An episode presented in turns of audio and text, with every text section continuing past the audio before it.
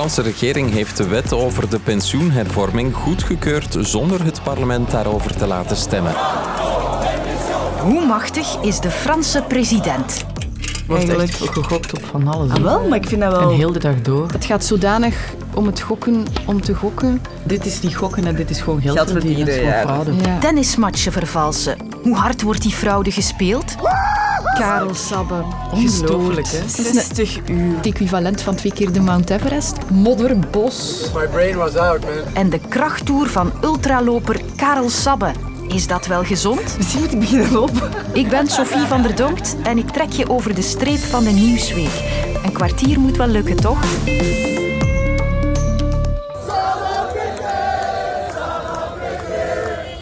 Frankrijk staat in vuur en vlam over de pensioenhervorming. Over die plannen zelf, maar ook omdat de Franse regering de hervorming als het ware door de strot geduwd heeft. L'exécutif passe en force. Il a finalement utilisé le 49-3 pour faire adopter la réforme des retraites. Ce sera donc le 49-3, faute de Dans majorité. la rue, les syndicats appellent à manifester de nouveau jeudi. Le 49.3 peut-il faire tomber le gouvernement On va se poser ensemble toutes ces questions. Het ce gaat soir dus over artikel Mais d'abord, 49.3 in de Franse grondwet, waarmee je een wet kunt doorvoeren zonder dat het parlement erover gestemd heeft. President Macron besliste om dat zo te doen, omdat het niet zeker was of hij een meerderheid zou hebben voor zijn pensioenhervorming. Premier Elisabeth Borne mocht de boodschap gaan brengen in het parlement. Is niet erg uitzonderlijk dat artikel 49.3 gebruikt wordt, maar meestal wel bij kwesties die minder gevoelig liggen dan de pensioenhervorming. Want daarin staat onder meer dat de pensioenleeftijd van 62 naar 64 jaar gaat. Mijn redactie bleef nog met wat vragen achter. Parce que je suis attachée à notre modèle social. Et pas- Ik denk dat wel heel veel mensen die dan vanuit de buurlanden daar naar kijken, denken... Maar mannetjes, Ja, maar het is, net, over wat gaat het nu? het is net dat wat dus niet helemaal terecht is, want wij kijken daar naar vanuit onze werkcultuur. Vrij vertaald, in de buurlanden, ook in België, moeten we toch ook al langer werken? Of zien de Fransen dat misschien anders? Wel, voor VRT Nieuws schuimt Steven de Kranen al enkele jaren Frankrijk af. En dit is wat hij in de Franse buik voelde. De Fransen houden een ideologische discussie over pensioenen. Zij zeggen, kijk, eh, wij moeten meer werken om een systeem betaalbaar te houden. Maar het systeem kan betaalbaar zijn als er gewoon meer belastingen, taxen komen op bijvoorbeeld de winsten van grote bedrijven. Wij zien dat heel grote bedrijven, en ze verwijzen naar energiebedrijven zoals Total Energies, miljarden winst gemaakt hebben. Haal het geld daar in plaats van de mensen langer te laten werken. Dus het wordt heel ideologisch gevoerd. Niet van, ja, we moeten langer werken, we zijn lui. Nee, Fransen bekijken het eerder als een tegenstelling tussen het groot kapitaal en de kleine arbeider die moet langer werken om een systeem te steunen. Want eens een sociaal recht plotseling verdwijnt, dan is het heel moeilijk om het terug te winnen. Dat is de Franse filosofie een beetje.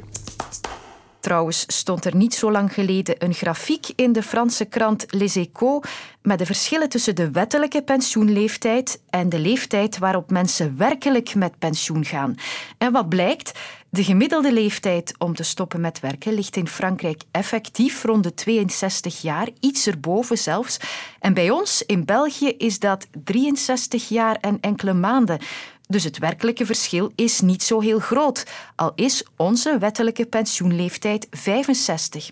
Maar dan nog, de president duwt dit dus gewoon door. Ik wist niet dat die zoveel macht had. Of meer dan de president in de VS. Dan zouden we kunnen zeggen, is Macron wereldvreemd? Die vragen heb ik voorgelegd aan journalist en Frankrijk-kenner Alain Mouton. Goeiedag.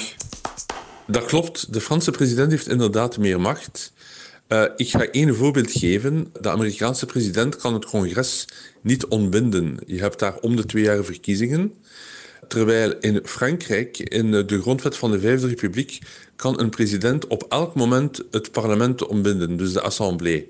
En dus nieuwe verkiezingen uitschrijven. Zeer belangrijk in Frankrijk en eigenlijk ja, een van de pijlers van het presidentiële systeem. Dus dat toont aan hoe belangrijk de, de rol of de functie van de president is. Wat wel kan, is dat zijn regering valt, want oppositiepartijen krijgen nu de kans om een motie van wantrouwen in te dienen, omdat ze niet hebben mogen stemmen over die pensioenhervorming.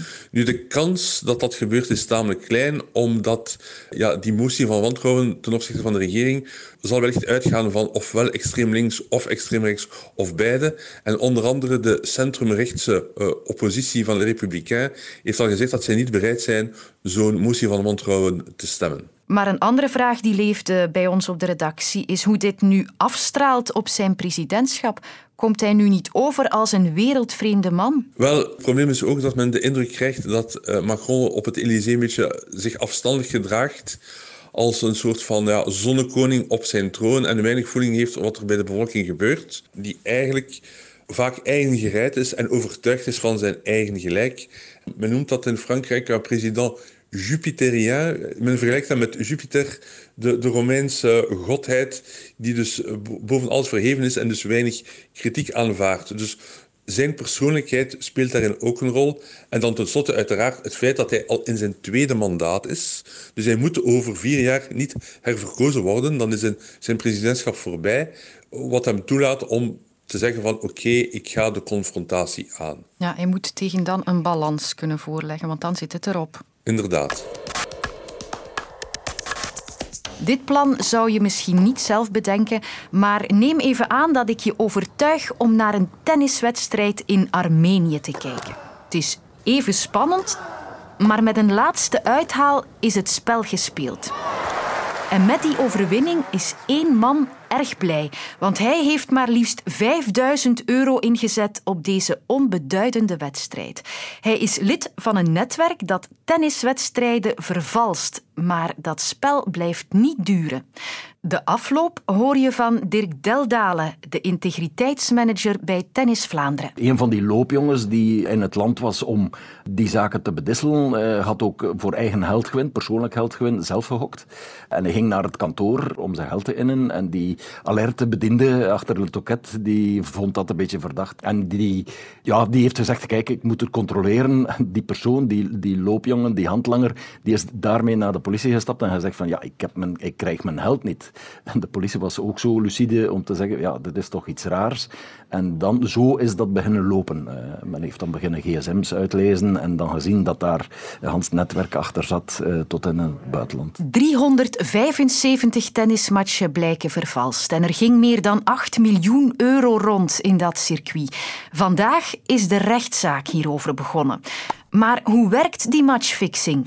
Als sport worden wij al een tiental jaren gechallenged door criminele bendes die in feite misbruik maken van wedstrijduitslagen die online gedeeld worden. Die zijn ook ter beschikking op hokkantoren, daar kan op gehokt worden.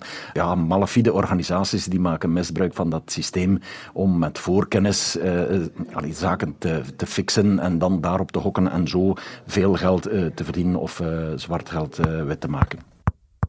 Ik ben Kimmer Kopjans, ik ben professioneel tennisspeler. En momenteel sta ik uh, rond de 230 op de wereldranglijst. Ik ben eigenlijk zelf nog nooit benaderd geweest door zo'n uh, figuur. Ik ken wel andere spelers die benaderd zijn door zo'n types. Ja, ik denk dat dat wel iets is dat heel actief is op het uh, profcircuit. Zeker in die lagere gerankte toernooien waar het financieel gewoon moeilijker is voor, voor veel spelers. Blijkbaar de hokindustrie, daar, die is driemaal qua jaaromzet groter dan de totale sportindustrie. Dus daar gaat enorm veel geld om. Die criminele organisaties weten dat. Bij tennis kunt u letterlijk op alles uh, gokken. Het is niet zozeer alleen een, een match verliezen. Het kan zelf gewoon gaan over de eerste game bijvoorbeeld van de set verliezen. Of uh, wie, wie slaat er als eerste een dubbele fout. Kan jij de eerste set verliezen? Of kan jij het derde spelletje verliezen? Of kan jij een dubbele fout slaan in dat spel bijvoorbeeld? Of als eerste een dubbele fout slaan in, in de match? Dus uh, het zijn redelijk simpele zaken. Maar ik denk dat ze eerst wat willen voelen of u daarvoor zou openstaan. Ik denk dat ze daarna dan ja, met, met grote bedragen natuurlijk zullen komen. En men zit dan ergens in de wereld ook achter pc's met die voorkennis uh, te hokken uh, onder de radar, zodat het niet opvalt en zo dus veel geld te verdienen en uh, ja, zwart geld wit te maken. Dat is omkoping, hè? dus daar wordt geld tegenover Als je niet meedoet, dan word je afgedreigd. Zij sturen loopjongens de wereld rond om uh, ja, spelers, officials en anderen te benaderen, te proberen om te kopen. Zij gaan daar heel ver in. Uh, zelfs, uh, ik heb een verhaal gehoord van, ook al zeg je daar nee tegen, dat ze u afdreigen tot zelfs op je thuisfront toe. de zus, de, de, de, ouders. Ik weet zelf niet wat, ik zou doen in, die situatie. Ik denk, dat dat heel, iets, ja, dat dat heel moeilijk is en inderdaad heel, heel angstaanjagend. Eens dat je met die figuren in zee gaat, laat ons zeggen, denk ik dat het uh, heel moeilijk is om daar terug uit te geraken. Eén of twee spelers wel eens uh, gehoord dat die daar mee te maken hebben gehad. Gelukkig hebben die dat ja, wel naar, naar ATP kunnen eigenlijk doorgeven. En de ITIU is dat bij ons ook. Dat is eigenlijk uh, an, ja, antidopingagentschap en dan ook antifix. En ja, eigenlijk hopen dat zij dat kunnen voor u, u veilig en uw familie wat in veiligheid brengen. Maar ik denk dat dat iets heel, heel lastig is. Wij werken al sinds 2016 nauw samen met de gerechtelijke politie. En dan heb ik daar rechtstreeks contact, ook al is het de zaterdagavond om tien uur, eh, om, om dus die speler te adviseren van kijk, eh, wat doe je best, wat doe je best niet, hoe kan je daarmee omgaan. In samenwerking met de gerechtelijke politie gaan wij ook toernooien, Belgische toernooien dan, gaan monitoren uh, om te kijken of daar malafide personen aanwezig zijn. En in die context heeft dat ook bijgedragen aan, aan de, de, de, zaak die vandaag voorkomt. Het blootleggen van een internationaal netwerk die dergelijke zaken aanstuurt.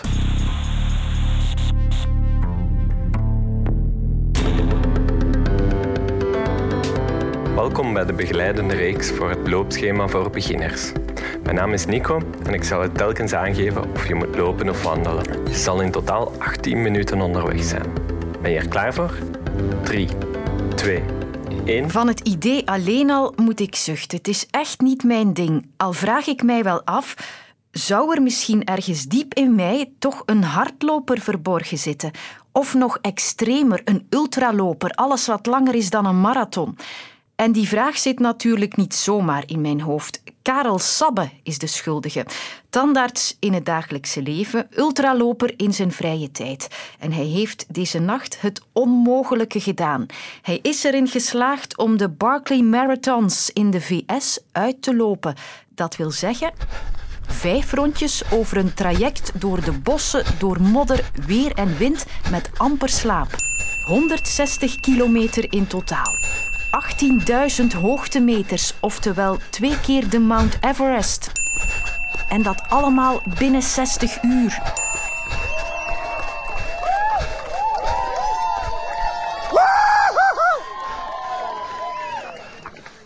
Well done. My brain was out, man. Zo kwam hij aan met minder dan zeven minuten overschot. Maar 15 mensen ter wereld deden hem dat voor. En Sabbe die gelooft dat iedereen dat zou kunnen. Dat mensen geboren zijn om te lopen. Want, zo is zijn redenering, onze voorouders legden als nomaden al gigantische afstanden af. Dus moeten wij dat ook nog kunnen. Maar klopt dat wel? Zou ik dit ook kunnen? En is dat niet gevaarlijk? Dat vroeg ik aan sportarts Luc Buissen. Dit is denk ik toch wel buitenaards. Ja, dat is een een uniek persoon. Ik denk niet dat je er zo twee vindt in België die uh, ditzelfde kunnen realiseren. Er zijn natuurlijk nog andere ultrasporters, maar die zijn toch allemaal begiftigd met een, een genetisch zeer bekwaam gestel, gecombineerd met een zeer hard doordrijverskarakter. Maar die zijn toch relatief zeldzaam. Zeker dergelijke prestaties zoals uh, van Karel Sabbe die bij wijze van spreken heel eenzaam zijn. Daar moet je heel hard, heel lang, vele jaren voor trainen om zoiets te bereiken. En dat zijn dan hoofdzakelijk trainingen alleen. Dergelijke wedstrijden trouwens ook. Dan moet je een heel hard, heel groot doorzettingsvermogen hebben om zo'n prestaties aan te kunnen. En dat kan je natuurlijk wel een stukje leren. Sowieso ontstaat er tijdens zo'n dergelijke prestaties, zo'n lange prestaties, ontstaat er spierschade, zowel aan uw skeletspieren, uw beenspieren, uw armspieren, uw buikspieren. Maar ook uw hartspier ziet toch wel een stukje af. En door zeer langdurig te gaan sporten ontstaan bepaalde stoffen.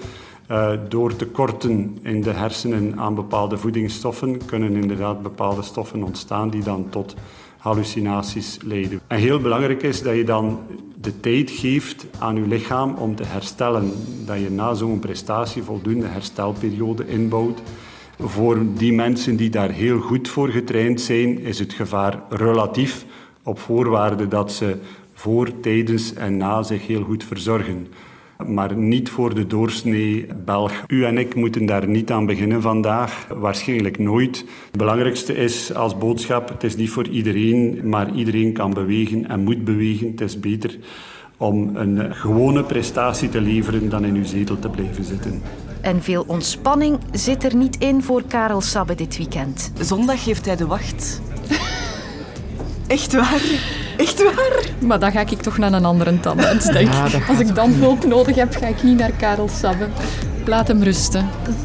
Die heeft echt te wacht. Luister ook naar de podcast van de week, waarin Stijn van de Voorde zijn licht laat schijnen over het popnieuws samen met een bekende gast. Nu in de app van VRT Max.